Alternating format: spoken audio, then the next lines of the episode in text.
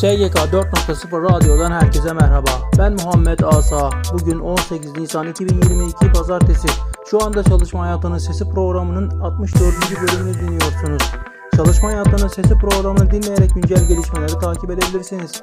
Çalışma Hayatının Sesi programında özet olarak dinlediğiniz gelişmelerin detaylarını e-posta bültenimiz aracılığıyla tüm üyelerimize gönderiyoruz. Bültenimize SGK 4.0 internet sitesini ziyaret ederek üye olabilirsiniz. LinkedIn, Facebook, Twitter ve Instagram üzerinden de bizleri takip edebileceğinizi hatırlattıktan sonra programımıza başlıyorum. Resmi Gazete Sigortacılık Kanunu'nun 30. maddesinin 12. ve 15. fıkralarında yer alan parasal sınırların arttırılmasına ilişkin tebliğ resmi gazetede yayınlandı. Karayolu taşıma yönetmeliğine değişiklik yapılmasına dair yönetmelik resmi gazetede yayınlandı. Hap gündem Muhtarların yeni maaşları 4253 lira oldu. Resmi gazetede yayınlanan karara göre muhtarlara 14750 gösterge rakamının memur aylık kat sayısıyla çarpımı sonucunda bulunan miktarda verilen aylık ödeneğin net tutarının net asgari ücret tutarının altında kalması halinde aradaki fark ödenek için öngörülen usul ve esaslar çerçevesinde herhangi bir vergi ve kesintiye tabi tutulmaksızın ayrıca ödenecek. İş Bankası emekli aylığını kendi bünyesine taşıyan emeklilere 2500 liraya kadar promosyon ödemesi yapacak. İş Bankası üzerinden 3 yıl emekli aylığı alacak. Sözünü veren emekliler 1500 lira aylık için 2250 lira, 1500 ile 2500 lira arasındaki maaşlar için 2375 lira ve 2500 lira ve üzeri maaşlar için ise 2500 lira promosyon ödemesi kazanacaklar.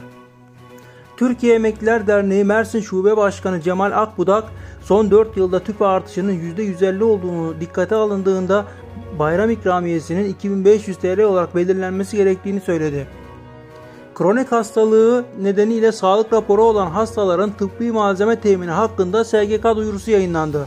SGK'nın 20 Mart 2020 tarihli duyurusu ekinde yer alan tıbbi malzeme rapor süreleri 31 Aralık 2022 tarihine kadar uzatılmakla birlikte ilgili tıbbi malzemelerin reçetesi teminine 1 Temmuz 2022 tarihine kadar devam edilecek.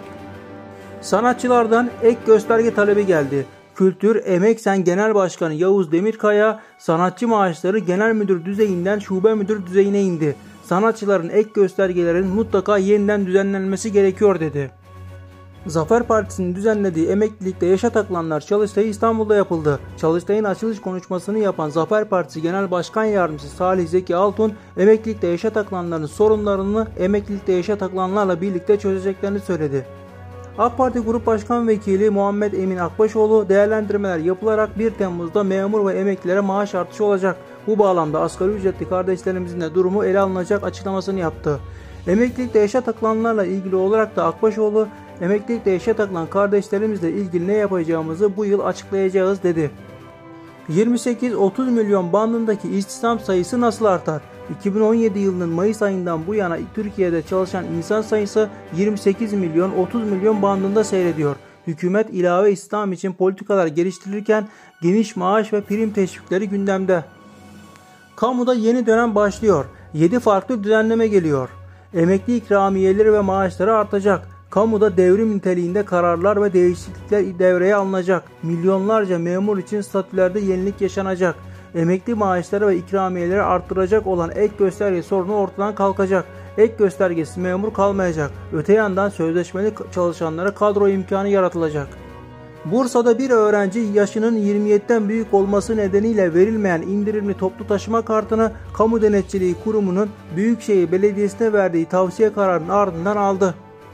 Sanayi ve Teknoloji Bakanı Mustafa Varank, uzay ve havacılık tıp çalışmaları ile ilgili Yakın bir zamanda Türkiye'nin uzaya göndereceği insanları seçmek üzere duyuruya çıkacağız.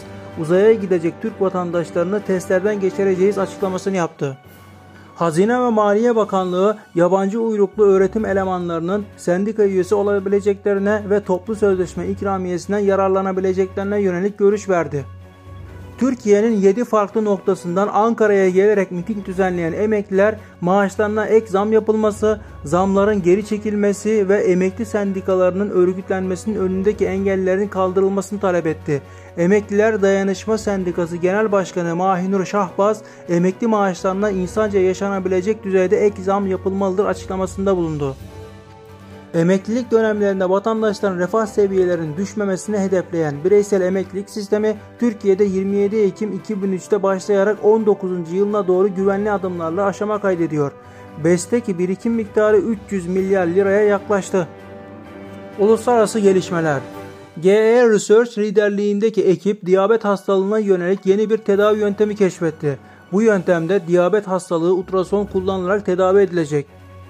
Araştırmalar, raporlar Türkiye Odalar ve Borsalar Birliği, Türkiye Yazılım Meclisi, Teknoparklar, ARGE ve Tasarım Merkezleri Uzaktan Çalışma Destekleri Yazılım Sektörü raporunu yayınladı. Tüketicilerin e-pazar yerlerinden alışveriş yapmaya başlamalarında etkili birinci faktörün sosyal medya ve internet sitelerindeki reklam ve tanıtımlar olduğu belirlendi. Rekabet Kurumu e-pazar yeri platformları sektör incelemesi nihai raporunu yayınladı. Türkiye İş Kurumu 4 sayılı Cumhurbaşkanlığı kararnamesi ve İşkur stratejik planı gereği her yıl yerel düzeyde yılda en az bir defa gerçekleştirdiği iş gücü piyasası araştırmasını Tekirdağ'da yapacak. Danıştay'ın 2021 yılı faaliyet raporunda idarelerin emsal yargı kararlarını dikkate almama eğilimi ve isnaf mahkemelerinin kurulmasıyla ortaya çıkabilecek içtihat farklılığı tehditler başlığı altında sayıldı. Yatırım dünyası ve girişimcilik Türkiye Odalar ve Borsalar Birliği, Milletler Arası Ticaret Odası, Türkiye Milli Komitesi ve Türkiye Odalar ve Borsalar Birliği Ekonomi ve Teknoloji Üniversitesi işbirliğinde düzenlenen Rusya-Ukrayna Savaşı küresel ticarete etkileri başlıklı yuvarlak masa toplantısı yapıldı. Türkiye Odalar ve Borsalar Birliği, Türkiye Toprak Sanayi Ürünleri Meclisi video konferans yoluyla bir araya geldi. 2021 yılında ülkemizde 2,5 milyon civarında tarımsal poliçe üretilirken 124 milyar TL'lik tarımsal varlık sigortalandı. Yapay zeka teknolojileri poliçe maliyetlerini düşürdükçe küçük çiftçi de ürünü garanti altına alıyor. SFS Yazılım Genel Müdürü Murat Atıcı yerli yazılım sigortacılık sistemlerine özellikle Avrupa'dan yoğun talep olduğunu söyledi. Orgaza Sanayi Bölgeleri Üst Yönetim Kurulu üyesi ve Trakya Koordinatörü Erdim Noyan Türkiye'nin artan ihracatına karşılamak için fabrikaların üretimini arttırdığını ancak Trakya'da bulunan 24 organize sanayi bölgesindeki firmaların eleman sıkıntısı yaşadığını söyledi. Mesleki eğitimde öğrencilerin uygulama becerilerini arttırmada önemli katkısı olan döner sermaye çerçevesindeki üretim kapasitesi artmaya devam ediyor. Meslek liselerinin bu yılın ilk 3 ayındaki gelirleri toplamı 2021 yılının ilk 3 ayına göre %225 artarak 333 milyon liraya yükseldi. İstihdam teşvikleri, destekler ve programlar. COSGAP yeni bir iş kurmak isteyenlere kredi desteği sunuyor.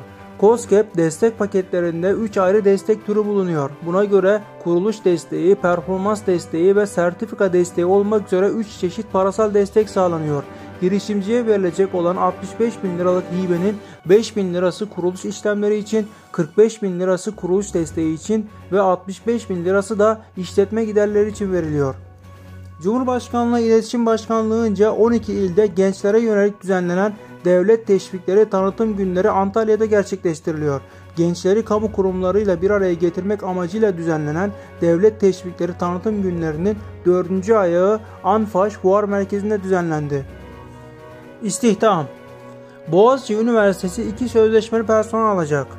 İstanbul Büyükşehir Belediyesi İETT İşletmeleri Genel Müdürlüğü 3 müfettiş yardımcısı alacak. Muğla Kavaklıdere Belediyesi 20 işçi alacak. Tokat Almus Belediyesi 5 işçi alacak. Bursa Osman Gazi Belediyesi 10 işçi alacak.